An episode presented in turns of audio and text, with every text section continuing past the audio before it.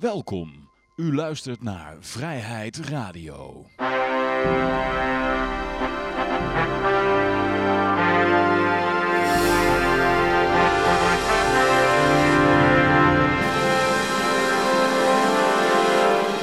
Ja, dames en heren, jongens en meisjes, dit is weer een nieuwe aflevering van Vrijheid Radio. Leuk dat u luistert. We zitten hier gezellig in Café Libertaria met op dit moment eh, Kim, Rick en een speciale gast Steven die, eh, van ehm, partij Pro. Maar je bent overigens lid geworden van de Libertarische Partij. En je zit nog namens Pro in de gemeenteraad in Oosterwijk. En um, ja, zometeen gaan we met jou er even daar dieper eh, op in, van waarom je overgestapt bent. En ja, Ehm, je hebt ook nog wat kritiek gehad op de uitgavenpatroon van de gemeente. Ja. En ja, goed, in ieder geval zometeen uh, gaan we daar dieper op in. laten we eerst beginnen met onze rubriek Goud, zilver, bitcoins en de staatsschuldmeter. En we beginnen even met, even kijken hoor, de marijuana-index heb ik hier. Die staat op 122 punten. het goud die staat op, oh dit is volgens mij niet de troy ounce koers. Die zat hier 18,27, maar dat is volgens mij niet uh, Troy Ounce. Uh, dan hebben wij uh, de olie, die staat op 56,93. we hebben de staatsschuldmeter, die staat op 392,3 miljard in het rood. de bitcoin, die, die was vorige week 7800 eurotjes, nu ook 7800 eurotjes, iets meer. Maar halverwege de week is hij nog even naar 8200 gegaan. En ja, dat was het zo'n beetje, ja. Goed, ja, dan gaan we naar de berichten toe. We beginnen even met een paar uh, bitcoin uh, berichtjes. Crypto toch niet in de ban in India, dat is goed nieuws. Want uh, de, de, centrale bank in India die wilde crypto verbieden, tenminste dat gerucht deed eronder. Maar gelukkig, gelukkig, het is allemaal goed gekomen. Het wordt toch niet in de ban gedaan. Vervolgens nog een ander crypto berichtje, Maduro van Venezuela, president, die, ja, die heeft zijn eigen crypto uitgebracht, de Petro, die is aan de koers van de olie gekoppeld van uh, Venezuela. En die koers van de olie doet het niet al te best. Nederland doet het ehm, niet al te best. Nederland doet het niet al te best, inderdaad. Um, in ieder geval, hij uh, gaat een eigen casino beginnen om zijn uh, petro te redden. En niet om het land te redden. maar hij, zegt dat, ja, hij zegt dat hij met de winsten van het casino wil die, um, ja, wil die in healthcare en ja, gezondheidszorg en andere socialistische dingetjes uh, gaan uh, steken. Nou, dan moet hij uh, uitkijken. Dan moet hij vreselijk ja? uitkijken. Want in Nederland had de Nederlandse regering met Holland Casino een monopolie. En drie keer raden, Holland Casino ging failliet. Ja, dat is knap hoor.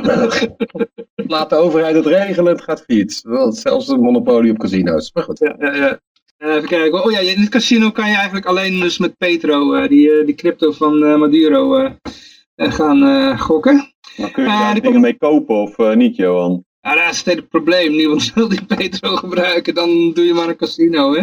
Dus je kunt eigenlijk alleen mee in het casino drinken of zo? Nee, nee, nee je kan ermee gokken. Dus je moet, eigenlijk al, ja, je moet eigenlijk al je andere... Je, je kan wel... Zelfs, je, kan, je kan zelfs met crypto daar naartoe, maar dan moet je het omwisselen voor petro. En dan kun je daarmee gaan gokken. Dat is eigenlijk gewoon een muntje. Je moet eigenlijk ja, gewoon een keer uitproberen, ja. Ja, is net zoiets als de muntjes in het casino, weet je wel? Mm. Ja. ja. Goed, dan gaan we naar uh, Peter Schiff. Die, je, je, weet wel, de man die uh, bekende libertarische persoonlijkheid, die uh, helemaal in het goud zit. En altijd forse kritiek heeft op bitcoin. Die bezit weliswaar bitcoin, hè? want er zijn wel eens mensen die... hij loopt bitcoin altijd af te kraken. En er waren een paar bekende figuren zoals um, Naomi Brockwell... En een paar anderen die hadden hem dus uh, crypto gegeven, bitcoin gegeven. Zo van, uh, joh, ga het eens een keertje uitproberen. En nou heeft uh, ja, Pieter Schiff dus getwitterd deze week dat hij, hij was helemaal boos. Want hij kon niet meer in zijn crypto wallet, want hij was zijn wachtwoord vergeten. En hij gaf de schuld aan bitcoin. Ja, ja. Ja, ja, ja. Hij was going full boomer, stond er in de, in de comments. ja, die man is 56 inmiddels. Ja. ja, ja, ja. Oké, okay, boomer. Goed. Okay, boomer. nou, nog wel een heel klein uh, bericht, het laatste op het gebied van crypto, is uh, ja, de, de Libra, die munt van Facebook. Uh, er zijn inmiddels de achtste partij die eruit gestapt is. Volgens mij was Paypal en een aantal creditcardbedrijven waren er al uitgestapt en nu is dus ook Vodafone eruit. Dus weet niet hoeveel er nog overblijft. Volgens mij waren het 24 partijen die meededen, toch? Of, Geen idee. misschien staat het in het bericht, maar uh, ja, in ieder geval er, worden, er blijven steeds minder over. Nou, goed, dan gaan we naar, uh, even kijken, hier nieuws over de lage rente. Uh, raakt de economische mens in meerdere gedaanten? Dat is een Volkskrant artikel. Ah ja, is zo ja. die, de ECB die heeft de rente heel erg omlaag gegooid hè? Omdat ja. zij vinden dat, uh, dat zij, ze willen geen parkeerplaats voor geld zijn. Maar ze willen het juist laten rollen. Nou, de gevolg is dat alle grootbanken de rente ook omlaag gaan gooien. Ook richting de 0%. Omdat die grootbanken moeten betalen aan de ECB als, zij, als klanten daar geld stallen. Dus op die manier probeert de ECB zeg maar alle bedrijven te laten investeren en uh, zichzelf in de schulden te laten steken, zodat de economie uh, draaiende blijft. Ja, ja fijne strategie ja. toch? Ja, heel Keynesiaans. Mm -hmm. ja, het nadeel is natuurlijk dat je daar allemaal bubbels van krijgt. En op een gegeven moment dan, uh, dan knapt die bubbel. En mensen die dan in vastgoed zitten of in aandelen of zo, die hebben dan wel een stevig probleem. Ja. Ja, maar gelukkig hebben dan de overheid die ze komt redden. Dat is het, hè? Ja, ja hè? Dat is toch fijn. Dus uh, nee, dat is compleet onzin natuurlijk. Ja. Negatieve rente en uh, al dat, dat, dat soort gekkigheid. Dus het slaat helemaal nergens op. Maar goed, dat snapt iedereen met een verstand iets hoger dan het van een driejarige. Um, nooit eerder werden de CAO-loonstijgingen zo groot. Ja, het grappige is dat dit eigenlijk aansluit bij het vorige verhaal van de ECB. Want die, uh, die ECB die gooit, uh, gooit de rente naar nul. Nou, daardoor moeten mensen gaan investeren. Uh, maar in de tussentijd stijgt die inflatie ook steeds meer. Hè? En het is gewoon wachten tot, tot de volgende belastingverhoging en de ontslagen wegens de hoge loonkosten. Dat hadden we het vorige week ook al een beetje over. Hè? De, de prijzen die zijn in 2019 het hardst gestegen van de afgelopen 17 jaar. Door verhoging van de BTW, door hoge energiebelasting. En dit geeft een beetje gewoon het gevoel dat hogere lonen compensatie zijn voor prijsstijgingen. En we hadden daar met Kim in het begin al eventjes over. Hè? Die dingen, twee dingen reageren op elkaar. Dus uh, mensen willen hogere lonen, maar ja, daardoor gaan de prijzen natuurlijk stijgen. Want die bedrijven die belasten dat gewoon door aan de klant. Uh, en die moeten daardoor weer meer betalen voor een product. En die gaan zelf dan ook hoge lonen eisen. Zo blijft dat spelletje een beetje doorlopen. Ja, maar het is nog erger, want het gaat hier over CAO-lonen. Maar meer dan de helft van de bevolking valt helemaal niet onder CAO-lonen. Die zijn ZZP'er of uh, die werken bij een klein bedrijf die helemaal niet onder de CAO vallen. Mm. Dus het is alweer een leuke goed nieuws show zogenaamd. Maar ga er maar vanuit dat de meeste mensen überhaupt geen loonsverhoging krijgen. Want als jij gewoon uh, bij de lokale bakker werkt en niet onder de CAO valt, ja, dan val je misschien onder, uh, onder de retail. Maar goed, dat maakt het verder niet uit. Als je bij een lokaal bedrijfje werkt, dan heb je helemaal geen CAO-loon en dan krijg je ook helemaal geen loonsverhoging. Dus dat, dat loonsverhoging van CAO-lonen is onzin. Het staat leuk in de ja, krant. Ja, ja. Mm. Nou ja, maar er is natuurlijk één groot voordeel voor mensen die, uh, die veel schulden hebben. Want die, uh, die schulden die worden in werkelijke economische waarde gewoon minder waard. Ja. En dat is drie keer raden wie de grootste schuldenaar van... Uh, wat zei je? Dat bedoel ik. Daar begonnen we deze ja. uitzending mee, de staatsschuldmeter. Ja, ja, Precies, ja. Dat is een van de grootste schuldenaren van, van Nederland natuurlijk. Ja. Ja. 392,3 miljard inderdaad. Mm. Afval. Aan dalen is, staatsschuld. Ja, klopt, klopt. Ja. ja, dat is de VVD natuurlijk wel mee bezig, hè? Maar dat, uh, ja, daar maakt ze zichzelf niet heel erg populair mee. Ja. Verkiezingen komen eraan natuurlijk. Mm. Dus dan moeten ze weer kunnen roepen van kijk, onder ons zijn de, de, de, sta, is de staatsschuld gedaald. Ja, als je aan het begin van, uh, toen de staatsschuldmeter, die werd nog door Rutte geopend. Dan stond hij nog op 200 zoveel miljard in het rood. Dus uh, mm -hmm. hij was op een gegeven moment bijna verdubbeld ook, hè. Maar gaat het naar beneden, ja, ja. dat is goed. Ja, ja, ja. Um, dus meer, aan, meer aan Brussel overmaken, hè? Want wij hebben het niet geschulden. dus, het is fijn. Ja. Uh, hier nog een btw-berichtje. BTW-regels. Uh, fiets van de zaak aangepast. Ja, dit is mooi hè? Ja, je, je ziet dit ook, dit, dit bericht zie je ook eigenlijk alleen maar op accountancy sites en op sites van de overheid. Dus de overheid die probeert dan ja, dit soort van daar reclame mee te maken. Maar dit is eigenlijk geen enkele serieuze nieuwssite die daar enthousiast van wordt. Uh, want je hoeft dan nog straks nog maar 7% van, van de fiets van de zaak, die hoef je bij je bruto loon op te tellen. Dus het, het idee is dan dat het fietsgebruik bevorderd gaat worden. Maar ja, en ik vroeg me er gelijk af van, uh, dit is niet zo dat ineens meer mensen zijn die op die fiets willen of zo. Je gaat niet ineens dan, uh, uh, dan wel fietsen omdat je, omdat je daar net iets korting op krijgt. Ja, maar dit is allemaal bezigheidstherapie voor ambtenaren en accountants. Kom op. Hmm. Iedereen die een fiets wil kopen, die kan een fiets kopen als je werk hebt. Kom on. En dan gaan we hmm. aftrekposten bedenken en wat de hel allemaal. Kom on. Gaat vooral op de elektrische dat soort onzin. Het gaat vooral om de elektrische fiets natuurlijk. Hè? Ja, en ik heb wel het idee dat ze zeg maar, uh, als mensen dan al zo'n elektrische fiets aanschaffen, dat ze dan eerder het OV inruilen voor de fiets dan, uh, dan de auto voor de fiets. Ja, je moet een soort mindset voor hebben, weet je wel. Elektrische fiets, kom op, dat kost 1000 euro, noem maar even een dwarsstraat. Kom, als je dan mm. echt wil om naar je werk te gaan, dan koop je een elektrische fiets, dan heb je er helemaal geen belasting shit voor nodig. Kom op, hou allemaal op. Mensen moeten gestimuleerd worden, je weet toch? je weet zelf. ja, je stimuleert ze door gewoon die loonbelasting te verlagen en dan gaan ze harder werken. Ik, als, ik naar mijn, eh, als ik wel eens naar mijn, naar mijn werk fiets, naar het station bedoel ik, uh, dan uh, kom ik langs het, uh, wat het nou, een van de heel moderne gebouwen, dus van de cultureel, Stichting Cultureel Erfgoed of zoiets. Iets van de overheid in ieder geval. Er staat een hele zee van uh, NS-fietsen voor de deur. Maar zijn dus de enige die NS-fietsen gebruiken, geloof ik. Ik dacht vroeger altijd, daar kan je NS-fiets huren, maar dat waren uh, dus mensen... het is vijf minuten lopen hè, vanaf het station. Oh ja. maar die mensen, die, die stappen uit bij het station, nemen voor die vijf minuten lopen, nemen ze gewoon een NS-fiets gewoon omdat ze het toch goed krijgen. En dan gaan dan vervolgens, uh, ja, fietsen ze twee minuten op en dan uh, parkeren ze hem dus voor dat gebouw en uh, ja. ja, mooi concept. NS-fiets. Ja, ja, ja, ja. ambtenaren. goed, um, ja, kamerakkoord. ook tractoren krijgen straks een kenteken. Ja, dat hadden ze nog niet, hè?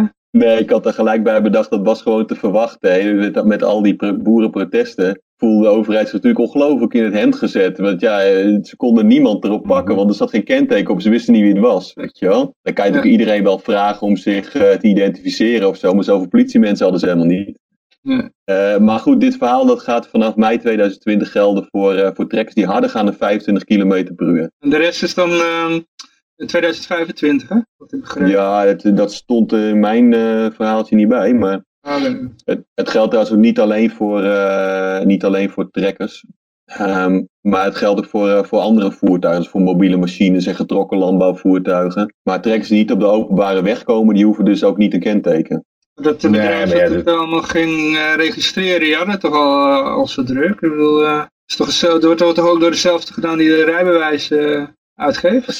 CBR bedoel je? Ja, of niet? Nee. Geen idee, joh. Oh, Nee, dit kentekenregister zit in Veendam. Maar goed, anyway. Oh, het is een apart, oké. Dat is weer een apart, natuurlijk. Een apart clubje voor hebben. Veel bureaucratische blabla is. Uh, nou, dat kan tegenwoordig allemaal gewoon technisch opgelost worden. Hè. Ik herinner me nog dat soort van de nationale korpschef van de politie. Ik geloof 10, 15 jaar geleden dat hij zei... Nee, maar die, camera, die, gaan we, die camera's gaan wij niet gebruiken om privacy te schenden. Nou ja, inmiddels wordt die de kenteken zo ongeveer geregistreerd. Als hij ergens komt, dan weten ze zo ongeveer waar, waar welke auto zit in Nederland. Dus... Uh, ja, maar weet je, een trekker, de trekker zit standaard onder de modder. Dus zorg gewoon mhm. dat de modder op je, op je kenteken Precies. Ziet niemand ja, sorry, kenteken kan ik ook niks aan doen. Dat hoort bij mijn werk, weet je. Ja, ja dus een beetje boer is daar slim genoeg voor. Dus, uh, ja, natuurlijk wel. Ja. ja.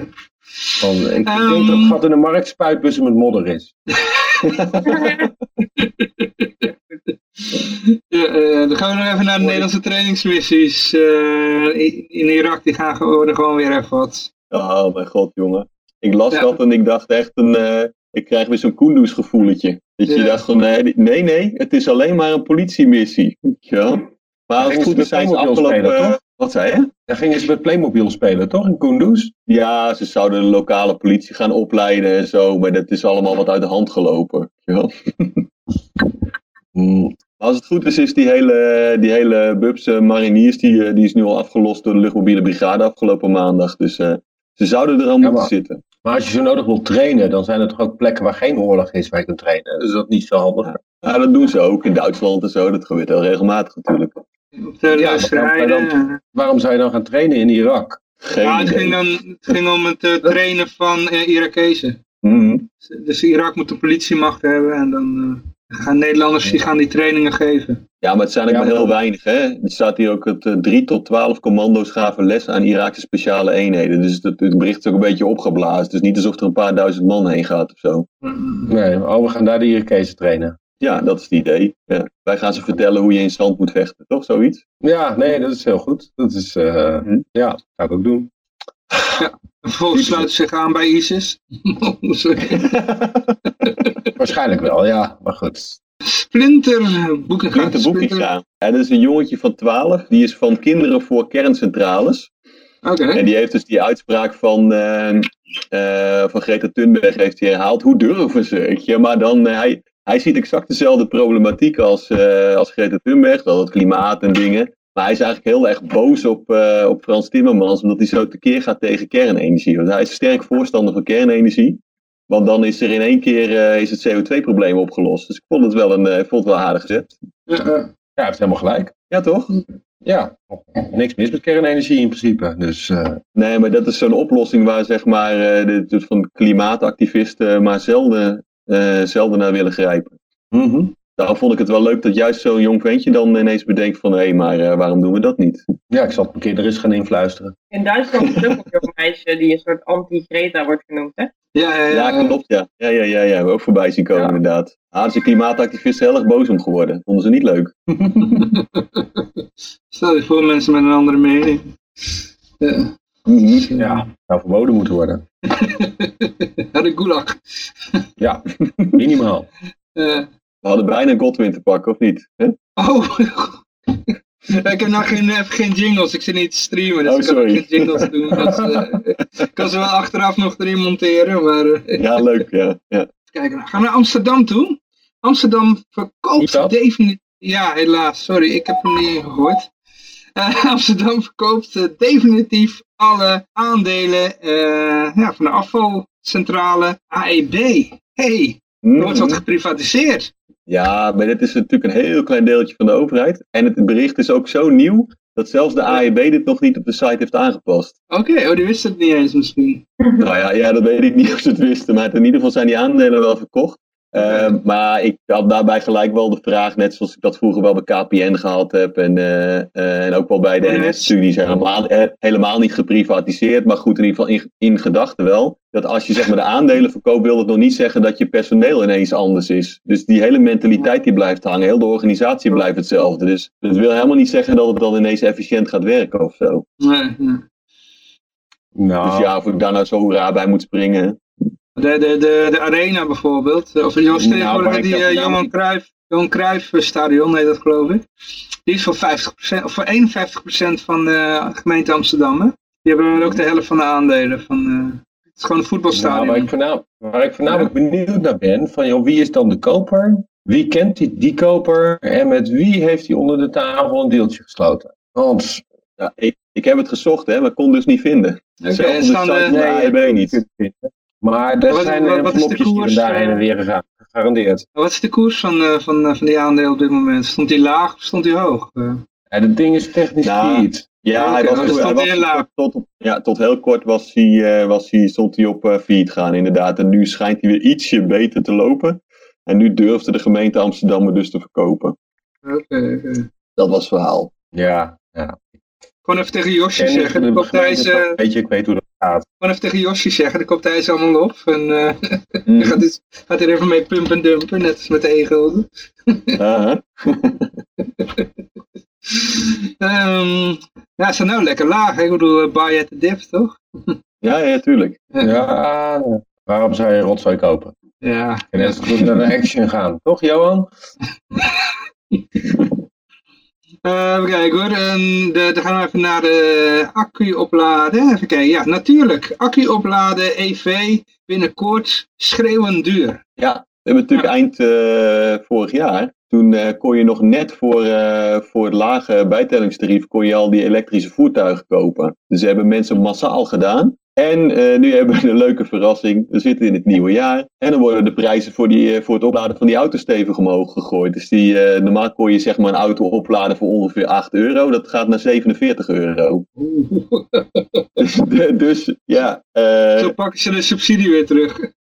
Precies, ja. En dat heeft natuurlijk ook met belasting te maken. En ik dacht, ja, zo kennen we de overheid weer. Weet je. Eerst, eerst even mensen enthousiast maken en dan zwaar belasten. Uh, hoe gaan ze er straks met die terecht, overigens.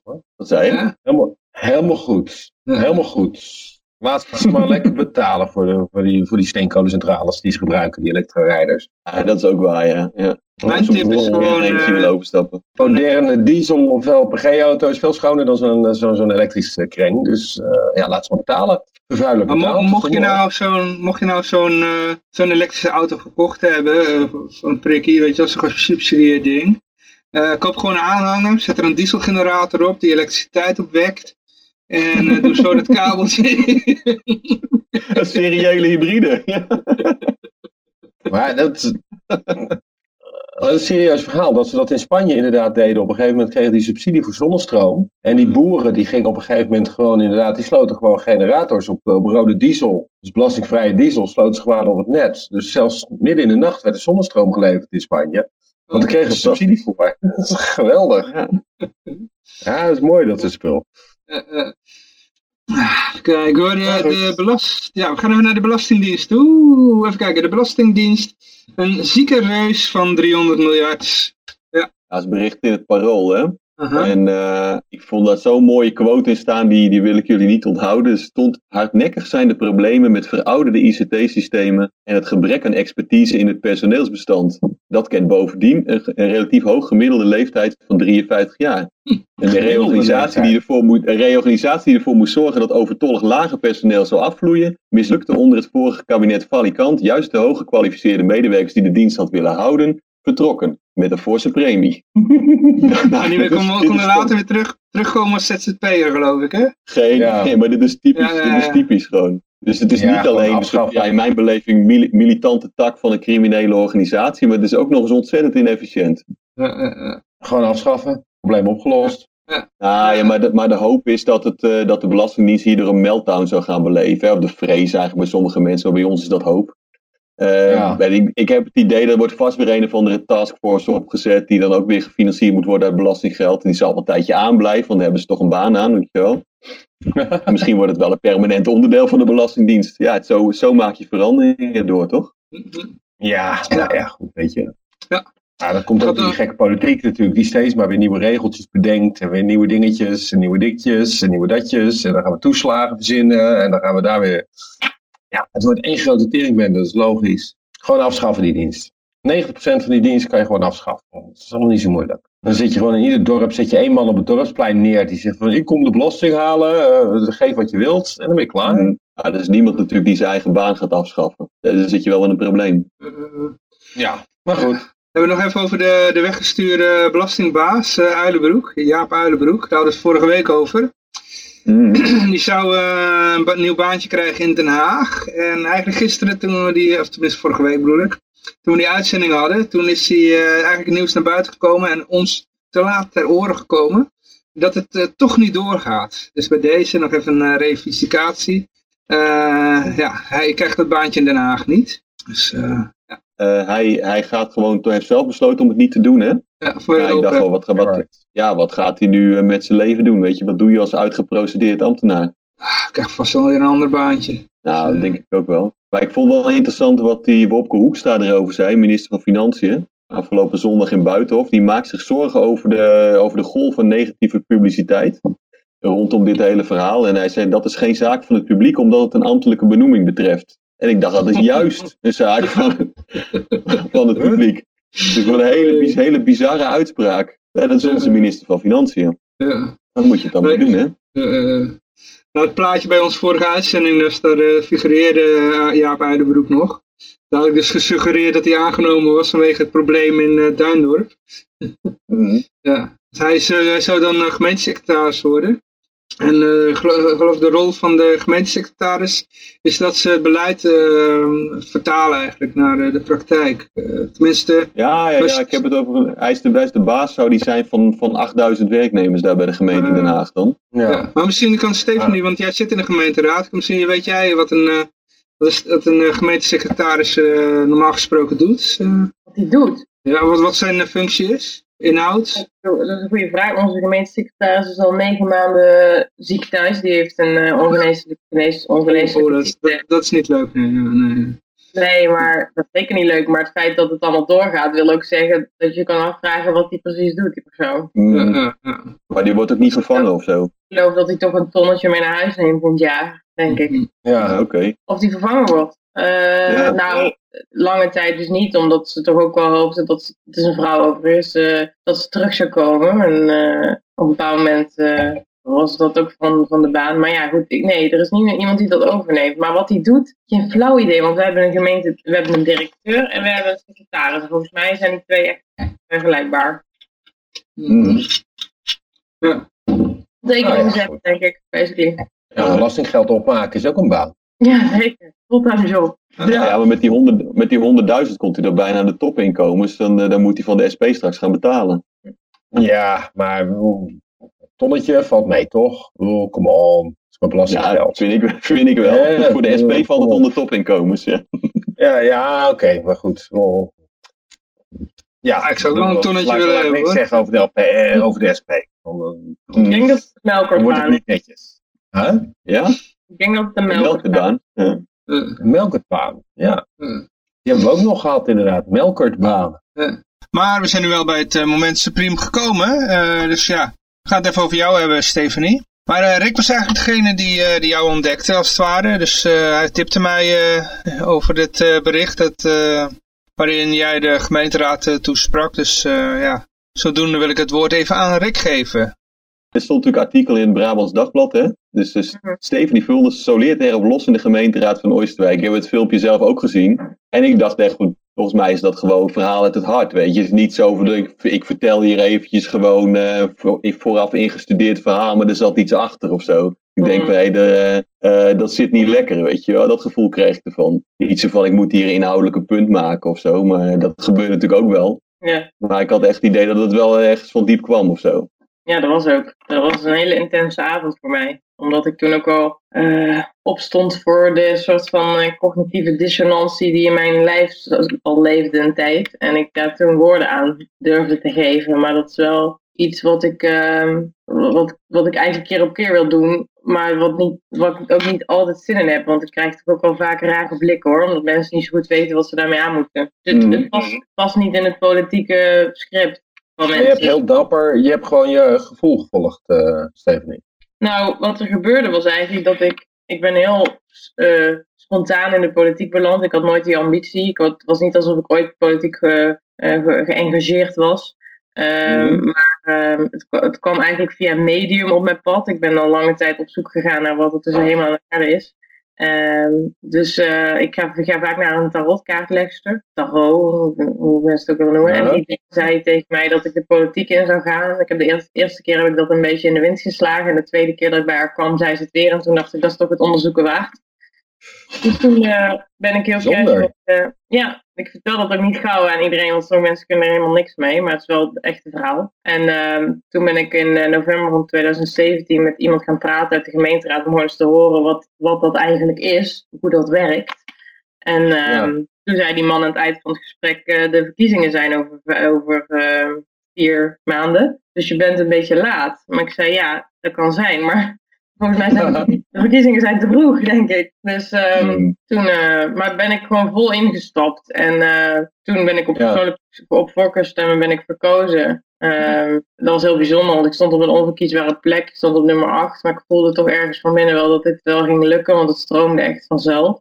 En ehm, ik heb wel het, het, geluk dat mijn ouders hebben 20 jaar een, een zaak gehad in een horecazaak in Oostenrijk. Dus ik heb wel, ik ben niet een onbekend persoon, zeg maar. Uh, Niet door iedereen geliefd ook. Dus ik heb ook veel haters. Maar ja, dat wordt alleen maar erger.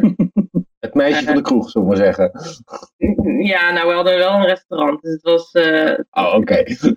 Wat, iets keuriger, zeg maar. uh, maar nee, dus um, dat heeft vast en zeker geholpen. En ik had, ik had vijf stemmen boven de, de drempel. Dus ja, het moest zo zijn, geloof ik. En toen begon het pas echt, want ik had geen idee waar ik aan begon. Ik, ik, ik ging maar gewoon, zeg maar. En ehm, nou, ik denk dat op dat moment was Pro ook de enige juiste partij om bij te gaan. Omdat ik toen was ik gewoon. Mijn spirituele ontwaking was in 2017. Maar mijn politieke ontwaking was afgelopen jaar toen ik de LP tegenkwam eigenlijk. Mm. Want ik, ik zat ook helemaal blind in dat systeem van we moeten een overheid mm. en het kan niet anders. En uh, uh, nou ja, dus, dus voor mij was pro en ik ben, eenmaal, ik ben echt een natuurliefhebber uh, en ik zie dat de natuur ons heel veel leert. Dus ik, weet je, vanuit dat oogpunt en vanuit sociale gedachten, ik ging gewoon helemaal in die linkse hoek. Ik dacht van ja, dat is mm. gewoon logisch. En ehm, toen, ehm, uh, toen ik anderhalf jaar verder was, toen kreeg ik steeds meer het gevoel van, hé, hey, je deugt gewoon iets niet. Dit kan niet. Wat hier gebeurt is echt zo raar. Uh, Aan de ene kant moet ik uh, ambtenaren bekritiseren, zeg maar, om hun werk. En aan de andere kant moet ik ook iets van ze gedaan krijgen. En mensen werken zo niet. Mensen willen vriendjes met je zijn, en anders doen ze niet iets voor je. Um, dus, dus ik dacht, als, als een ambtenaar ook iets niet wil wat ik wel wil, dan zal hij of zij er alles aan doen om dat, zeg maar, onmogelijk te maken. Ehm, ook dat is denk ik menselijk. Dus ik dacht, wat zit ik hier te trekken aan een dood paard met een boerderij erachter, zeg maar. En uh, dat is echt geen goed idee. Dus toen, toen ging ik steeds meer kwamen van die vragen in me op. En, en ten meer ook omdat ik allerlei boeken las ook over, uh, weet je wel, uh, zeg maar, van Jan Bommeré, ik weet niet of je die kent. over de complexe samenhang en eigenlijk in de eenvoud ervan binnen organisaties, dat het allemaal terug te leiden is naar zoals de natuur werkt en zo. En toen dacht ik, nou, dit kan echt niet waar zijn. Deze machtsverhouding en, en uh, je kan tien jaar trekken aan iets en dan ineens is er een bepaald momentum en dan kan iets in een dag bij wijze van spreken geregeld worden. Je ziet het nu ook met dat vuurwerkgedoe. Dat het in één keer is het er. Dus ik, ja. het is zo mega inefficiënt en ik hou van het Pareto-principe. Ik wil zo min mogelijk, zo meer, veel mogelijk bereiken met zo min mogelijk energie. En uh, dat, dat soort dingen gingen allemaal niet op voor dit. Dus ik dacht, dit is echt het meest rare systeem wat ik, wat ik ooit heb ervaren in mijn leven. En ja. uh, al die vragen bij elkaar, die maakten op een gegeven moment, dat, dat was ook nog mooi, op een gegeven moment dacht ik, ja, wie ben ik eigenlijk om te bepalen waar, hoe dat gebouw eruit moet zien of hoe, uh, hoeveel geld iemand mag krijgen, wie ben ik? Ja, zeggen mensen dan, je bent formeel gekozen. Dus ik snap wel, ik snap wel dat ik in die positie ben ge gekomen. Um, maar het is heel raar dat ik dan mag bepalen voor een ander. Ja, uh, maar dat... je hebt nu gekozen voor de Libertaire Partij of Libertarische Partij. Hoe, maar je had natuurlijk ook kunnen kiezen voor, voor Wilders of voor Forum voor Democratie. Ik vind nou, een mooie keuze. Ik ben eigenlijk, ja, dat snap ik. ik uh, het is eigenlijk dat ik op zoek ging naar antwoorden op al die vragen. En toen kwam ik, of die kende ik al, Kim Choa. Dat is ook iemand die ooit op de lijst heeft gestaan voor de LP. Ja. Eh, kwam ik, eh, dat is eigenlijk een vriend van mij. Het is de ehm, enige lijst waar ooit twee mannelijke Kimmen op stonden. Hè? Oh ja, bizar. Goed. Dus ja, toen, vertelde hij mij over, omdat ik bij vaker met hem boomde over politiek en zo. En dat ik weer zei, hoe kan dit nou en wat vind jij ervan? En omdat ik helemaal worstelde en struggelde. En uh, toen vertelde hij op de LP en toen ben ik gewoon eens gaan uh, opzoeken en ben ik met Robert gaan, uh, gaan praten. En toen dacht ik gewoon, ja, dit is echt, dit zijn alle antwoorden op alle vragen die ik heb. Um, Robert dus, Valentijn. Ja, en toen ben ik eigenlijk, dat zeg ik, dat was mijn politieke ontwaking. En toen ben ik daar helemaal in verdiept van hoe zit dat dan? En toen, dacht ik, ja, dat is gewoon de, de, de eenvoud daarachter is gewoon hoe, hoe, hoe, het leven werkt. Dus het is het is allemaal zo complex gemaakt. Hè? Net wat er ook verteld door jullie gezegd wordt van nog meer regels, nog meer ambtenaren, nog meer uh, gedoe. Terwijl het allemaal weg moet. Al die jungle moet gewoon weggekapt worden. Dus um, maar ja, dat is niet de natuurlijke reactie van mensen om, om iets af te schaffen. De natuurlijke reactie is om iets toe te voegen, zeg maar. Mhm. Wat was de reactie op jouw uh, toespraak, zullen we zeggen? Nou ja, toen kwam inderdaad dus de begroting in, uh, in oktober. En uh, toen ging het over OZB-verhoging. Ja, toen ging ik echt helemaal heel erg hard op natuurlijk dat dat het laatste was wat we moesten willen. Ehm, ten meer ook omdat altijd weet je, altijd als je een idee hebt of zo en het kost geld, dan zeggen ze van, als, als de partijen het niet leuk genoeg vinden of niet goed genoeg, dan is altijd het argument, waar moet het geld vandaan komen? Terwijl als iedereen het een leuk idee vindt, dan moet college maar uitzoeken waar het geld vandaan komt. Dus dat is een hele makkelijke stok om mee te slaan. Dus ik, ik wist dat ze gingen vragen van, want we, hadden een we, hebben een, we hebben, hadden een begrotingstekort vanwege jeugdzorg en uh, WMO tekorten. En uh, toen, uh, ja, dat geld moest dan ergens vandaan komen en dat zou dan uit de OZB moeten komen. Uh, dus maar toen ik zei van, uh, waar, ja, dat gaan we niet doen, dan wist ik dat de vraag ging komen, heb je dan een alternatief waar het geld dan vandaan moest komen? Maar ik had het al best wel, had het al op voorhand gepareerd. Want ik zei, als morgen een inwoner aan mij komt vragen waar hij het geld vandaan moet halen, heb ik geen gezinnig antwoord dan te zeggen, ga maar harder werken of zo. Of uh, ga maar minder uh, champagne drinken. Ja. Dan dus, koop je toch de boot. Ja. ja, precies. Ja, maak het maar, maak het maar soberder in je leven, want wij, moeten, wij hebben een probleem. Ja, dus het, het is waanzin. Dus ja, dat, dat was eigenlijk de strekking van mijn boodschap. En uh, het heeft wel geleid tot uh, wat frictie binnen de partij. Want eigenlijk ben ik natuurlijk helemaal uh, afgedwaald nu. Mm Kun je zeg maar, net als in de Tweede Kamer, kun je uit de fractie stappen, weet je. Maar je kun je daar ook als, als eenling zitten. Ja, ja dat is ook, dat is ook je... lang geleden gebeurd met onze partij. Is iemand van uh, afgesplitst, zal ik zeggen. Um, en, uh, en dat speelt ook wel mee in mijn overweging van, kijk, wij hebben in november hebben wij verkiezingen hier in Oosterwijk omdat we herendelen met Haren. Dus we hebben eerder verkiezingen dan de rest van Nederland.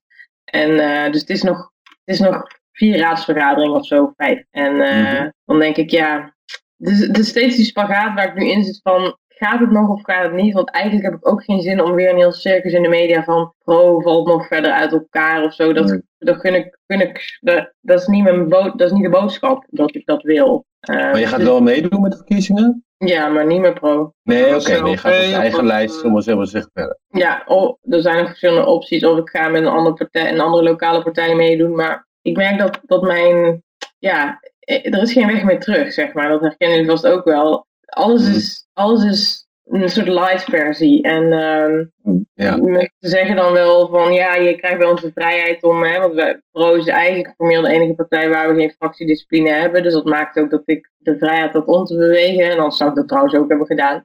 Maar andere partijen, zijn, andere partijen zijn er niet zo lekker mee. Behalve één andere die dan wel zegt van het kan. Maar dan denk ik, als het puntje bij paaltje komt, dan doen ze waarschijnlijk ook alles aan om het wel dezelfde kant te krijgen. En daar heb ik gewoon geen zin meer in. Ik heb geen zin om, te, mm. om weer te moeten vertellen dat, dat, het, dat het systeem niet deugt. Weet je, daar heb ik geen zin in. En uh, ja, er zijn ook mensen die bang zijn dat het tot politieke zelfmoord leidt. En dat zal, dat zal moeten blijken. Maar, ja, uh, maar ben je dan nu fractie Stephanie of ben je fractie LP? Of hoe, hoe sta je bekend? Nee, ik ben nog steeds gewoon lid van Pro. Alleen stem ik heel vaak anders. En ja. Oké, dus je hebt niet een, niet een aparte fractie of zo? Nee, nu, nee niet, nu niet. En het is ook niet mijn intentie om dat nog te gaan doen voor het einde van de, van de periode. Maar ja, er kunnen hmm. natuurlijk dingen gebeuren. Het kan zijn dat, dat, de pro, dat Pro een vrouw in mij opzegt. Ja, dan heb ik niet veel meer keuze natuurlijk. Nee, oké. Heeft de LP eigenlijk een afdrachtregeling? Zei je? Heeft de LP eigenlijk een afdrachtregeling? Oh, bedoel je? Ja, nee, wel als je namens de LP zou zitten, dan oh. moet, je, moet je een deel afstaan aan de partij, of niet? We, weet ik niet. Ja, LP... we, zijn geen, we zijn geen SP, eh, Kim.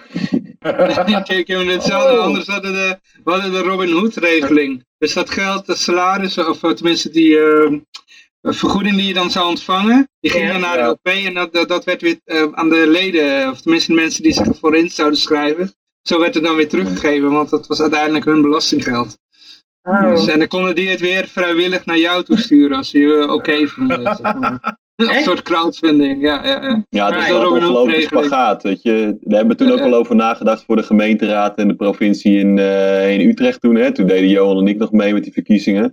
Mm. En we hebben echt over na moeten denken, ja, moeten we dan dat loon weer gaan inleveren of zo en aan de, aan de inwoners terugstorten. Maar ja, je moet ook je werk doen en je kunt daarnaast niet echt iets anders doen als je in de gemeenteraad zit. Dat is best wel veel, uh, veel uren die je moet draaien. Ja, ik had al genoeg dus dat is altijd een lastig punt. Dus, uh, ja, ik heb genoeg gewerkt en genoeg belasting betaald. Dus. Daar ook wel mee, want na aanleiding van het bericht en, en die actie met de begroting had er ook iemand, de rode roeptoeter, dat is een, een man die, uh, is een oud pro-lid, een beetje, een beetje verzuurde man vind ik dat. En uh, ja, de rode roeptoeter zegt genoeg, denk ik. En die schrijft een soort semi-anoniem in de rode roeptoeter dan dingen. En die had geschreven van, uh, dat de wethouder uh, wel weer 12.000 euro op zijn begroting erbij had gekregen. Omdat ik natuurlijk niet meer met droge ogen mijn raadsvergoeding kon incasseren. Oh, oh, oh, oh. oh. dat heeft me wel bezig gehouden natuurlijk. Want ja, ergens vind ik het ook zo belastinggeld. Maar wat jij zegt is ook waar. Ik, doe, ik, ik bedoel het niet uh, dat ik het krijg voor niks doen. Ik denk dat ik me relatief veel inzet voor de gemeenteraad ten, uh, in ja. vergelijking met anderen. Um, en, uh, maar mijn insteek is wel, oh, sowieso is financiële vrijheid een van mijn doelen die ik op korte termijn wil behalen. En dan is wel mijn insteek om het geld te doneren aan een lokaal sociaal ondernemer in Oostenrijk. Die echt supergoed werk doet, maar nooit subsidies krijgt. Omdat die concurreert met de overheidszorginstanties. Ja. Mm. Wat is jouw eigenlijk gewoon algemeen? Wat is het niveau van zo'n gemeenteraad in jouw ogen? Nou, het is echt heel amateuristisch. Het is heel, heel netjes uitgedrukt.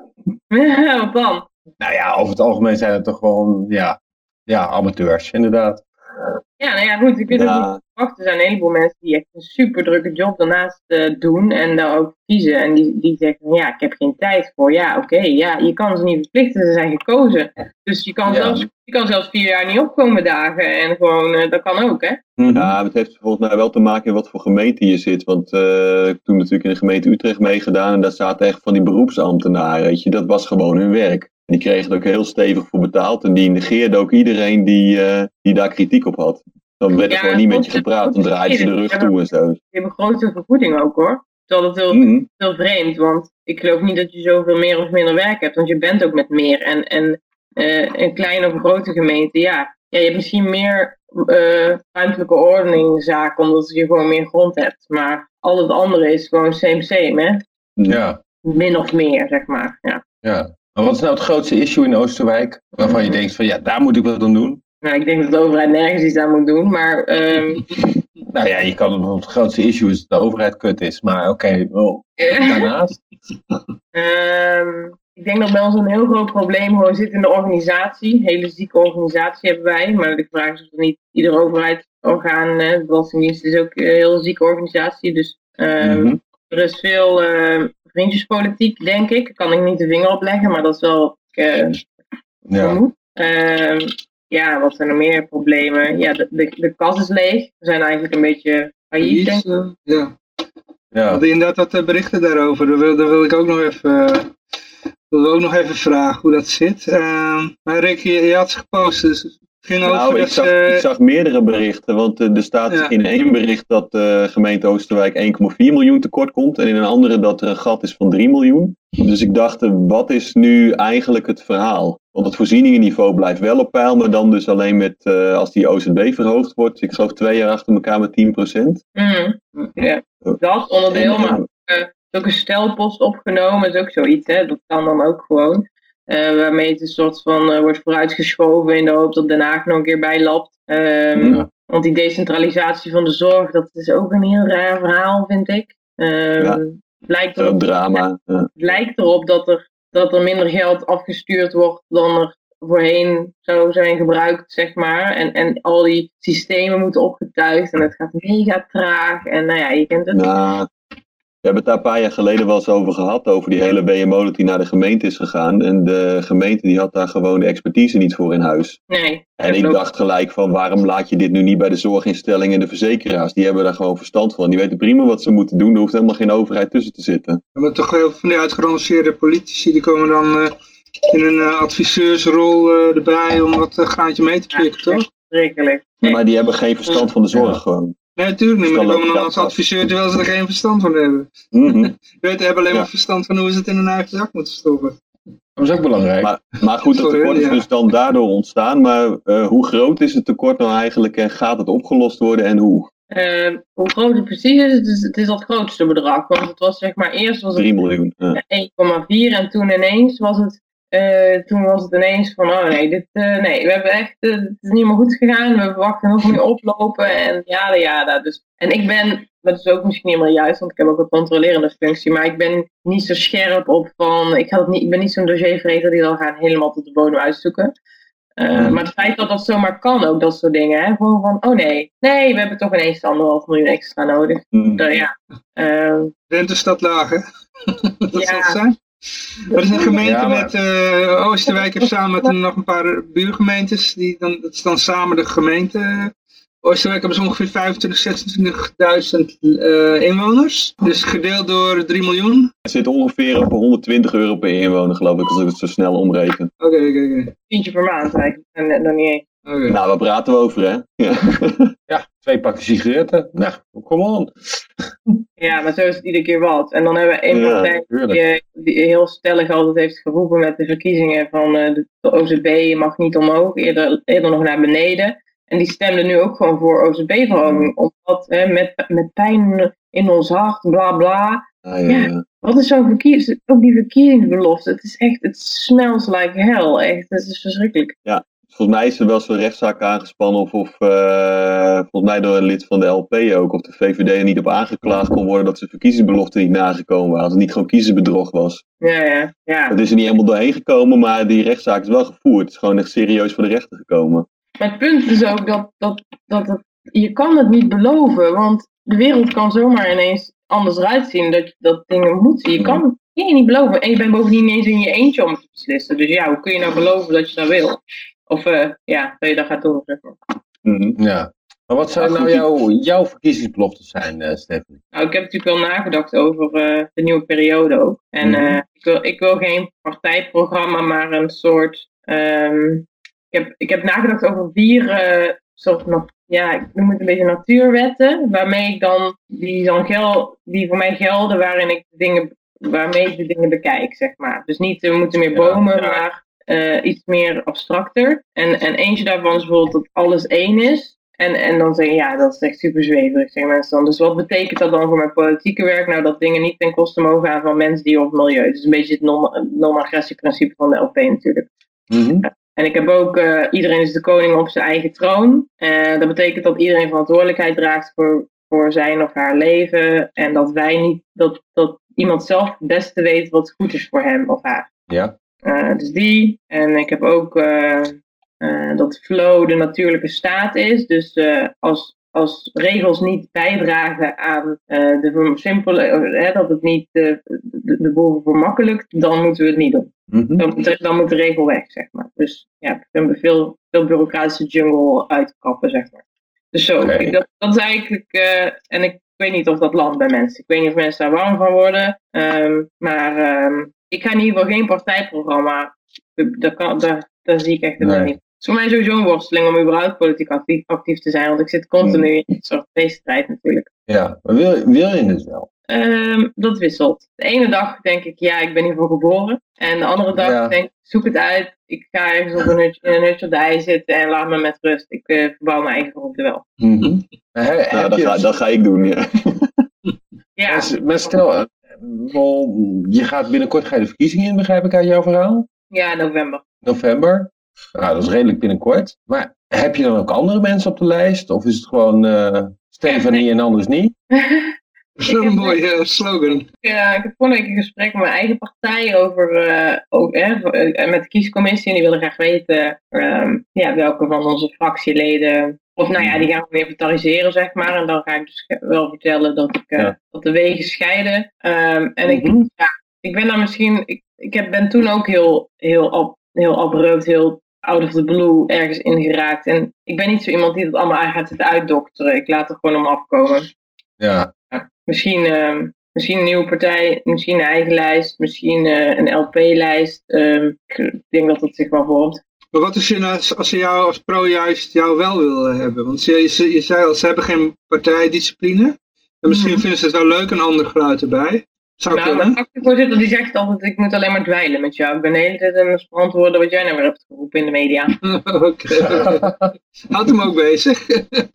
Ja, ik zeg ja, dat toch? Ik En, bedoel, en- en- en misschien krijg je juist heel veel stemmen. Dat, dat in één keer al die ondernemers eh, zeggen van... eh, nou, eh, wij willen nou wel op pro gaan stemmen vanwege Stephanie. nou, het is grappig, want pro staat voor progressief. En als er iets progressief is, dan ben ik het. Hm. ja, Ja. je bent voor progressie. Ja, eh, vooruitgang en verandering en iets anders. Ja, nou oké, dat krijg je dan. Ik Ja. denk zelf dat, dat, dat pro nog nooit zoveel in het nieuws is geweest als met mij. Ja, Mhm. Het is, best een goed, het is eigenlijk best een goede verkiezingstruc. Gewoon iemand in je partij zetten die echt de hele tijd iets anders stemt. En dan is het continu. Mhm. Ja, eh pro eh, was, Nou ja, was verdeeld. Dat Pro klopt, de VVD, de, de VVD doet het al jaren. Die heeft een premier, dat is eigenlijk GroenLinkser, maar die noemt zich VVD'er. ja. Ja, de Ja, oud werkt heel VVD goed. heeft ze afgescheiden tot de PVV, toch? Ja. Eh, Die hebben ja, een de eigen VVD is- gecreëerd. Ja. VVD is in eh, 1948 afgescheiden van de voorloper van de PvdA, de, de SDAP. Ja, ja. Dus, eh, ja. ja, niet te verwarren met de NSDAP, maar het Nee, nee, nee. heel terzijde. Sociaal-Democratische Arbeiderspartij. Nationaal Socialistische Arbeid. Oh, fuck. Ah. Oh, dat, dat, dat is de Godwin geval eindelijk. Maar wat zouden jullie nou aan om een lokale lijst, dus met een of andere sexy term met Oostenrijk erin of zo, of zou ik gewoon een LP-lijst? Er is een uh, lijst. Die lijst. LP-lijst is een, een partijbericht kost, kost sowieso iets van 5000 euro of zo. En dan moet je heel veel ondersteuningsverklaringen hebben. Dus, ja, dat is landelijk, uh, Johan. Uh, lokaal, ja, maar bij, de, bij de gemeente ook. Hè, dan moet je toch iets 20 of 30 ondersteuningsverklaringen hebben. En je betaalt ook om mee te, betaalt ook om mee te mogen doen. Uh, en je moet natuurlijk ja. campagne voeren. Dus daar moet je wel mensen voor hebben. Ja, dus ja, dat, dat, maakt niet zo gek vanuit waar je die vandaan haalt. En of hoe je dat, hoe je dat ook maar noemt. Maar je hebt in ieder geval mensen nodig. Ja. Mm -hmm. Als je, als je ja, maar die kun je wel vinden. Bedoel, dat is niet, dat is niet zo'n probleem. Je hebt een groot genoeg netwerk waarschijnlijk in, uh, in de gemeente. Ja, ja. En nee, ik weet zou, je... Ik zou het als, op de normale manier met uh, pennen en nee. uh, flyers en meuk. Ik zou gewoon... ik heb ballonnen! Hm? Je moet ballonnen hebben. Ballonnen. Dat mag niet meer, hè? Mag er nee, dat mag niet meer. Ballon is helemaal kloten. Nee, dat gaan we niet doen. En maar, ja, met, met lachgas erin mag het weer wel. Dat nee, van D66, toch? Gewoon, uh, heb ik het nou weer verkeerd begrepen. Lachgas. Uh, volg je hart. Ja. Doe maar mijn... gewoon lekker zoals jij denkt van het belangrijk is en ga jouw richting op. En of je daar nou een labeltje LP aan, aan plakt of een labeltje vrije lijst uh, Stephanie of uh, whatever. Ga gewoon lekker of zeg van ja, ik ga het lekker niet doen, want het systeem is zo corrupt. Daar ga ik toch niks aan veranderen. Dat is ook nog een optie, hè? Ja, en die, die optie die zeker op als ik een slechte dag heb, zeg maar, dan gaat die wel door mijn hoofd. Dan denk ik, zoek het even uit. Het mm. lijkt wel een beetje ja. soms, hè. Dan zit ik weer mezelf voor apen te zetten daar uh, voor 25 uh, corrupte lui. Die allemaal uh, de overheid steunen in meer ja. of minder mate. Ja. Nou ja, maar ik heb, ik heb ook heel lang gedacht dat ik gek was totdat ik de LP vond. Toen dacht ik, hé, hey, er zijn meer gekken zoals ik, weet je. Maar desondanks ben je nog steeds gek, Rick. Wat zei je nou? Allemaal gewoon open-minded mensen. En daar zijn ook de meningen trouwens nog niet altijd dezelfde, dezelfde kant. Maar dat maakt het zo, zo gaaf en zo fijn om bij te horen. Ja, ja. ja, wat dat betreft hebben we op een of andere manier wel, als, als libertariërs, hebben we wel altijd een soort van band. Ook al zijn we het op heel veel plakken waarschijnlijk niet met elkaar eens. Maar ja, goed, hoort er ook bij. Ja, dat, kan, dat mag allemaal wel zijn. En wat ik heel erg ervaar binnen de gemeenteraad, als het dan gaat over het niveau. Hè, het gaat heel vaak over... Uh, ja, toch gewoon, ik weet niet, het is een andere partij. Oh, nee, nee. Als die begint te praten, dan doe ik morgen even dicht, weet je wel zo. Ja. Er, is zoveel, er is zoveel, weet ik het, rivaliteit onderling. En nee, het is niet goed. Het is ook niet, ook niet gezond voor je hoor. Ik, ik ben altijd helemaal, mijn systeem is altijd helemaal uh, vervuild als ik uit de raadsvergadering kom. Denk mm -hmm. ik. Maar gewoon even uit interesse, naast het raadswerk, uh, wat, is je, wat doe je in het dagelijks leven? Uh, ik heb wat netwerkmarketingbedrijfjes. Uh, en uh, mm. ik ben een boek aan het schrijven. Ik, wat ik mezelf gewoon zie doen is voor grote groepen mensen spreken over hoe ik denk dat de wereld werkt. En voor de rest. Ja, ja. Maar netwerkmarketing, dan denk ik aan Herbalife en dat soort dingen? Of dus ik wel heel, heel verkeerde kant op? Juice Plus, dat zijn groente en fruit in een pil. Ja. Dus dat blijkt een beetje op, ja, het heeft wel iets weg van Herbalife, maar dat is niet alles weer, want dat vind ik echt niet te hachelen. Um, ja. En, uh, en ik, gewoon, gewoon uh, zelfstandig. Je bent niet in loondienst of uh, cashier nee, of... Uh, nee, ik, heb, nou, ik werk ook wel een beetje freelance in de horeca.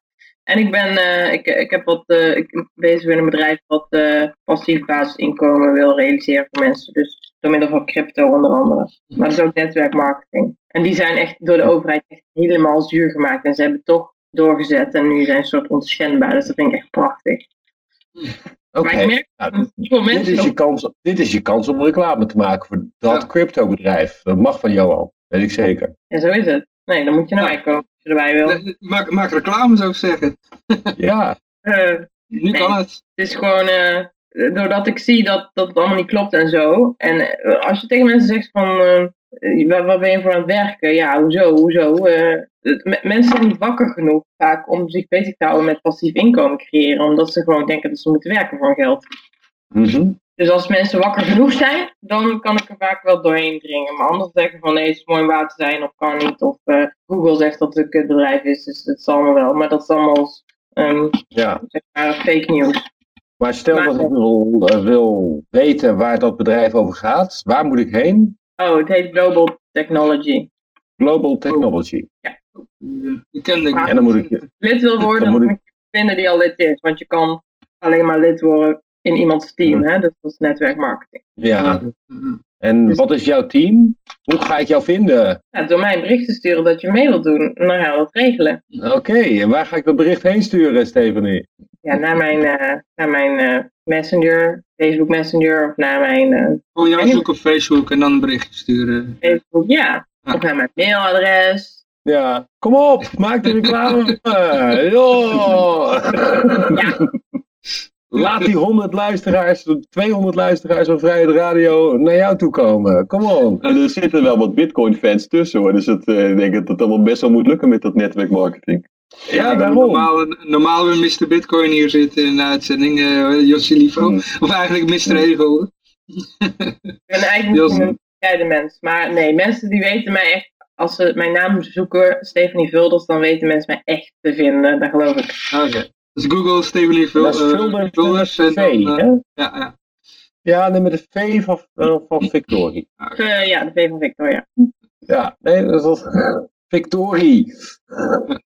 Maar ja, beste mensen, we, we, hebben nog een aantal berichten die we nog even willen doen. Uh, Stephanie, we horen binnenkort wel uh, dan of, of jij uh, doorgaat met de politiek of niet. Dan ja, dat willen we graag weten. Dan delen we dat volgende keer ook mede. En als je gewoon nog een keertje mee wilt doen met de uitzending, ben je altijd welkom. Dus, ja. Um, ik heb nog uh, twee berichten, die zijn een beetje aan elkaar gerelateerd, had ik begrepen van Rick. Eentje gaat over de Rooms-Katholieke Kerk en de andere gaat over uh, uh, libertarisme is... Oh, dit is in Engels. Oké, okay. libertarianism is losing the grip on conservative thoughts. Goed. Laten we daar maar even mee beginnen. Ja. Of wil je liever met het Rooms-Katholieke? Ja, dus, uh, laten, we daar, laten we daar even mee beginnen. Dan komen we zo op de, de rare, gebruiken, rare gebruiken van de term libertarisme. Dat, ah. uh, af en toe dan zoek je daar eens op in het nieuwsbericht. En dan denk je, zo, hoe, hoe wordt het nou hier weer gebruikt? Ja. Uh, maar dit, dit verhaal dat is een opiniestuk in de Washington Post. Van de libertarisch georiënteerde econoom Tyler Cowen. En die stelt eigenlijk dat die just say no houding, hè, dus, dus eh, gewoon nee, de overheid is helemaal slecht en daar willen we niks mee te maken hebben, dat is een beetje gedateerd. En dat gaat het er niet meer worden met, uh, met de verkiezingen. Dus die stelt dat je eigenlijk een beetje water bij de wijn moet doen en dat je dan pas zo een serieuze speler wordt uh, in die verkiezingen. Hmm. En ik dacht eigenlijk van ja, zijn mensen dan zo gewend aan de overheid dat ze geen nee meer durven te zeggen, weet je wel? Ja, dat, vond ik zo'n bizar artikel. Ook echt heel bizar. En dat is gewoon een Washington Post. Dat is een gigantische grote krant in, uh, in, in, in de Verenigde Staten. Ik heb uh, vorige week nog een stukje geschreven over dat de mensen helemaal geen vrijheid wil. Mensen zijn echt heel, heel hele slappe wezens eigenlijk, hè, in de regel. Want als je vrijheid geeft, dan maken ze misbruik van. Ja. En, als, uh, en als niet, mensen weten ook niet wat ze met vrijheid aan moeten. Dat is heel eng heel, uh, ja, je moet heel veel verantwoordelijkheid nemen en heel veel intrinsieke motivatie hebben om jezelf voor te bewegen. Dus ik denk dat het best wel zwaar kan zijn dat mensen de overheid eigenlijk gewoon wel prima vinden. Dan kunnen ze altijd ook zeiken op iemand anders. Je moet wel eens denken aan die uh, vergelijking die Malcolm X maakte over de, je had de, de, de, de field slave en de, de house slave, de, de huisslaaf. Mhm. De huisslaaf die heeft een best wel een goed leven, ook al is hij een slaaf. Maar die werkt bij de meester thuis, kent de meester vaak ook. En uh, zoals Malcolm X dat zei, die zei van als de meester dan ziek was, dan zei de, de huisslaaf zei dan, are we sick, master? Zijn wij ziek, meester? Die identificeerde zich ook helemaal met zijn meester. Terwijl de veldslaaf, die had precies het tegenovergestelde. Die, eh, die zat, eh, als het huis in brand stond, dan zat hij te bidden om een harde wind. En uh, ze het huis uh, helemaal zo afvikken. En als hij zijn kans zag, dan wilde hij wegvluchten. Want ja, die werd steeds geslagen. Die, die, uh, die, die, die, die leed, zeg maar, de veldslaaf. En zo is het ook een beetje met inderdaad mensen, hoe dichter ze bij de overheid zitten, des te meer ze zich mee identificeren. En hebben ze best wel een goed leven.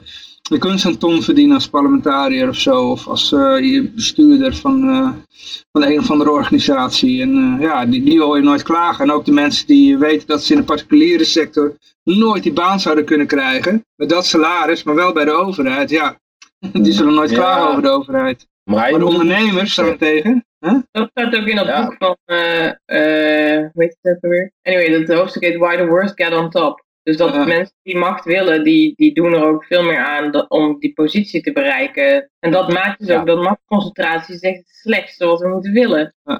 Nou, ik moest eigenlijk gelijk denken aan uh, Robert Nozick met zijn Tale of the Slave, weet je. Dat begint inderdaad met die veldslaaf die dan waar overduidelijk is dat het een slaaf is. Weet je, je moet allemaal dingen doen waar hij geen zin in heeft. Die wordt geslagen, die krijgt heel slecht betaald, misschien helemaal niet eens. En zo langzamerhand wordt het stapje voor stapje, wordt het steeds een beetje tussen aanhalingstekens beter. Maar het is eigenlijk nergens dat die machthebber zijn macht opgeeft. En mensen die denken, oh wat heb ik toch een fijn leven, helemaal... Uh, uh, ik heb ja. geld op mijn bankrekening en alles is geregeld. Maar in de tussentijd hebben ze nog steeds geen zeggenschap over hun eigen leven. Mm -mm. Hij, hij, stelt dan echt die vraag van op welk moment houdt dit op het verhaal van de slaaf te zijn. Mm maar Larkin Rose heeft een hele mooie video gemaakt.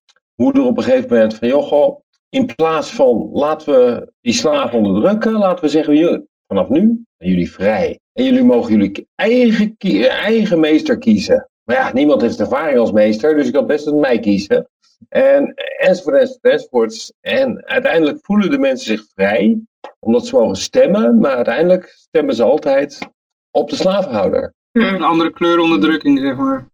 ja, maar dan voelen ze zich vrij en dan gaan ze opeens veel harder werken. Dat is veel efficiënter dan, dan echte slavernij. Is inderdaad belastingheffing. En mensen zeggen, ja, maar ja, jullie mogen wel stemmen hoor. Dat is veel efficiënter voor de heerser. Ja. ja. Laten we nog even uh, teruggaan naar de... Rose aan, aanrader, maar goed. Ja, ja Larkin Rose inderdaad heel goed. Uh, maar uh, even kijken, nog even teruggaan naar die berichten. Uh, want je had ook nog dat, of de Rooms-Katholieke Kerk. Ik weet niet, wat, wat was jouw ja, vergelijking met deze? Het zijn twee, nee nee, het zijn twee, dat is een oh. ander bericht wat daar nog bij hoort. Van de Japanse modeondernemer doet eigen experiment met basisinkomen. Uh, en dat verhaal van, die, uh, uh, van de Rooms-Katholieke Kerk. Want die, dit is een cultuurtheoloog van, van de Universiteit van Tilburg, Frank Bosman, die zegt: nee, die Rooms-Katholieke Kerk die, die moet mensen niet langer tot celibaat verplichten. Mm -hmm. en hij, hij is dus voor een Rooms-Katholieke kerk die kritiek heeft op het libertarisch-hedonistische ideaal. En ik denk, ja, wat is dat dan? Er staat libertarisme tegenover het celibaat. Uh, kunnen geloof en libertarisme eigenlijk wel gecombineerd worden? En staat libertarisme misschien dan op één lijn met hedonisme of zo? Ik, ik kwam allemaal vragen bij me naar boven bij dat artikel. En dan had ik eigenlijk ook bij, uh, bij dat verhaal van die Japanse modeondernemer. Want die was met, uh, met een basisinkomen begonnen. Hij is een multimiljardair, hè, dus die kon dat gewoon zelf financieren. Maar die man die, dat, die daar een stukje over geschreven heeft. Ja, natuurlijk is helemaal prima. Maar die man die daar een stukje over geschreven heeft. Uh, uh, Jelmer Luimstra van Sprout.nl. Die, uh, die stelt dat tegenstanders in het basisinkomen vooral het ideale ingrediënt zien voor een libertarische nachtmerrie. Waarbij big tech machtiger wordt en burgers hun maatschappelijk nut verliezen. Dus ik dacht ook weer, eh, hoe past libertarisme in dat verhaal? Weet je? Wat, wat bedoel je eigenlijk als je dit schrijft? Die hele term libertarisme is zo ontzettend aan inflatie onderhevig, lijkt het wel. Ik, uh, ik kwam er niet meer uit. En wat is dan een libertarische nachtmerrie? Geen idee. Nou ja, goed. In de basis is natuurlijk gewoon. Wij zien socialisme als, als ultieme nachtmerrie, of communisme. En aan de linkse kant zien ze uh, alles wat maar een klein beetje niet socialistisch is, zien ze als libertarische nachtmerrie. Nou, dus in ieder geval is het dan wel zo dat die, die term libertarisme is wel populairder geworden dan als ze dat nu gebruiken in plaats van liberalisme. Ja, ik vind het ja, dat ze dat noemen. Dus, dat uh, de nachtmerrie. Oh, iedereen, iedereen voor zichzelf. Oh, help. Bah. Inderdaad, vroeger was het neoliberaal. En nu, nu is het een keer libertarisch geworden. Ja. Ze gebruiken gewoon nieuwe woorden, weet je wel. Of, uh, ja, misschien het ja, woord worden bekender, zullen we zeggen. Ja, uh, uh. ja. maar dat, dat, dat celibaat vind ik wel heel grappig. Mijn, mijn vader is gewijd priester. En die leefde onder het celibaat. En ja, die heeft mijn moeder ontmoet. Ja, goh. Dus die is uit de kerk gegaan. Dus ik vind, vind dat altijd wel heel interessant. Mm -hmm. Maar, maar is het libertarisme dan tegen het celibaat? Ik vind dat zo'n rare gedachte. Je laat als mensen dat fijn vinden om zich aan het celibaat te koppelen, laat ze dat lekker doen. Daarom. Laat mensen dat gewoon lekker doen. Ja, ja Rooms-Katholieke... En hun regels. En laat ze het lekker doen. Ja, prima. En als, ja, mensen uit, als uitgekeken Rooms-Katholicisme... willen stappen, kan, kan dat, hè? Zonder dat je gestenigd wordt of wat dan ook. Ja, en je kan ook nog van geloof uh, wisselen, weet je wel. Dus, uh... Nou ja, het in, in Engeland was het ooit de reden om uh, de Anglikaanse kerk op te richten natuurlijk. Die Henry VIII die mocht niet, uh, mocht niet trouwen met, ze, met zijn geliefde. Die zei nou dan richt ik toch gewoon een eigen kerk op en dan mag het wel. Ja. ja. Ook een optie. Ja. Ja, ik zit er ook aan te denken om een eigen kerk op te richten. Vorige week had ik mijn eigen godsdienst bedacht. Maar zat jij niet bij de kerk van het Vliegend Spaghetti Monster, uh, Kim? Nee, ik heb hem af... Oh, oh ja, Kim, zat jij toch bij? Of? nee, daar heb ik nooit bij gezeten. Ik ben okay, een supporter. Oh, was die ander. Ik vind het een goede, ik vind een goede kerk, maar ik, ik, denk eigenlijk dat ik voor het Kimisme ga. dat is Kim Jong-un of zo? die mag, die mag lid worden. Als hij, als als betaalt. Dat, dat is, als je Kim heet, hè? Ja, als je Kim heet, dan uh, mag je lid zijn van het. Okay. En in alle andere gevallen ben je ook welkom als je me betaalt. Oh, ik, ben, ik ben niet zo moeilijk. Maar uh, jongens, het laatste bericht. Er zijn geen regels. Het uh, laatste bericht. het laatste bericht, we hebben weer het, ja, ze hebben bijna traditie. Ik denk, ja, we zitten nu in de achtste jaargang van Vrijde Radio en ieder jaar krijgen we dit weer. Uh, meestal aan het begin van het jaar komt uh, Oxfam uh, weer uit met een bericht. Volgens mij hebben ze gewoon weer copy en pas gedaan, alleen de jaartallen aangepast. Gewoon hetzelfde bericht als vorig jaar. raden, ongelijkheid in de wereld gaat fout. Ja, ja, ja, ja, ja, ja, ja. er zijn weer de 200 rijkste mensen hebben net zoveel geld als de rest van de wereld bij elkaar of zoiets. Ja, ik vond het, het heel fijn dat het zo voorspelbaar is. Ik, ik kreeg gelijk weer zo'n Hans Pekman gevoeletje. Weet je, wij zijn eh, in 2012, het kabinet Rutte 2 dat toen begon. Toen zei hij toch, een nivelleren is een feest. ja, dat is een typische, typische socialistische uitspraak. Ik vond het heel mooi. Ja, maar ik heb vaak het idee dat socialisten eigenlijk uh, het, uh, het armer zijn dan anderen veel erger vinden dan het arm zijn in de absolute zin. Mm en Deirdre McCloskey, weet je, dat is zo'n uh, econoom uit uh, Chicago, die heeft er hele mooie dingen over gezegd, ook een aantal boeken over geschreven. En die heeft juist uh, laten zien dat het kapitalisme is geweest, dat, waardoor we tegenwoordig minder armoede hebben. Mhm. Ja. In ieder geval, die, uh, mij dit heeft debunken ook iets wat we een jarig terug, terugkerend uh, fenomeen. Um, want wat ze, de fout die ze eigenlijk maken is, ze stellen het vermogen. Hè? Dus daarmee, uh, ze, zeg maar, de waarde van het bedrijf wordt meestal opgeteld als vermogen. Dus dat, uh, daar, daar loopt wel een beetje spaak. Dus als jij bijvoorbeeld een bedrijf hebt wat op 1 miljoen euro geschat wordt, dan ben je in één keer miljonair. Terwijl je op je bankrekening misschien maar een paar duizend euro hebt staan. Snap je? Ja, dat is vast in, vast in vastgoed bijvoorbeeld. Ja, ja de, de heftruck in het bedrijf wordt meegerekend. En uh, weet ik veel, uh, als je een café hebt, wordt de, bar de waarde van de bar meegerekend en opgeteld bij jouw vermogen. Of uh, ja. Maar ja, als ze, als ze, zeg je?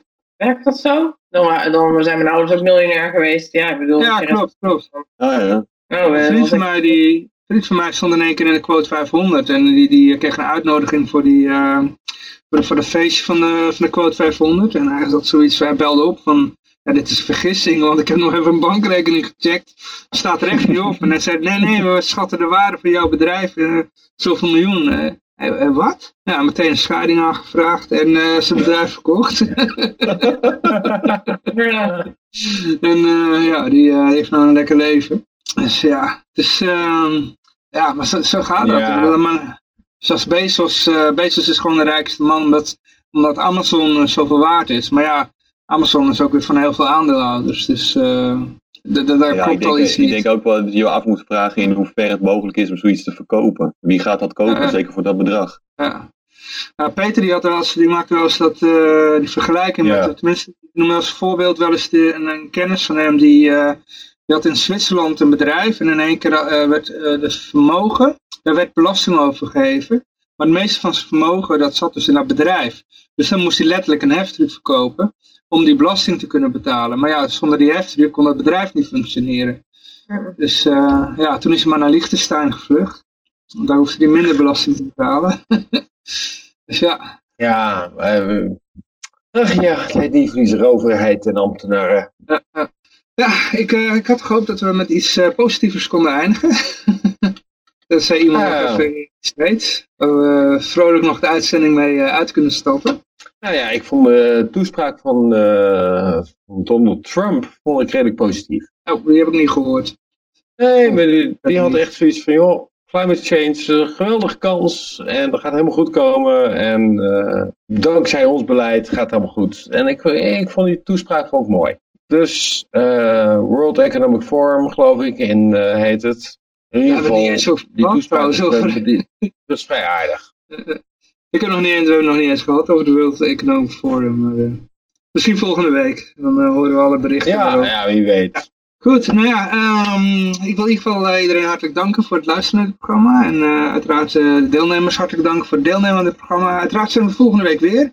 Ik wens iedereen een vrolijke en vooral heel erg vrije week toe. En ja, hier is de eindtune.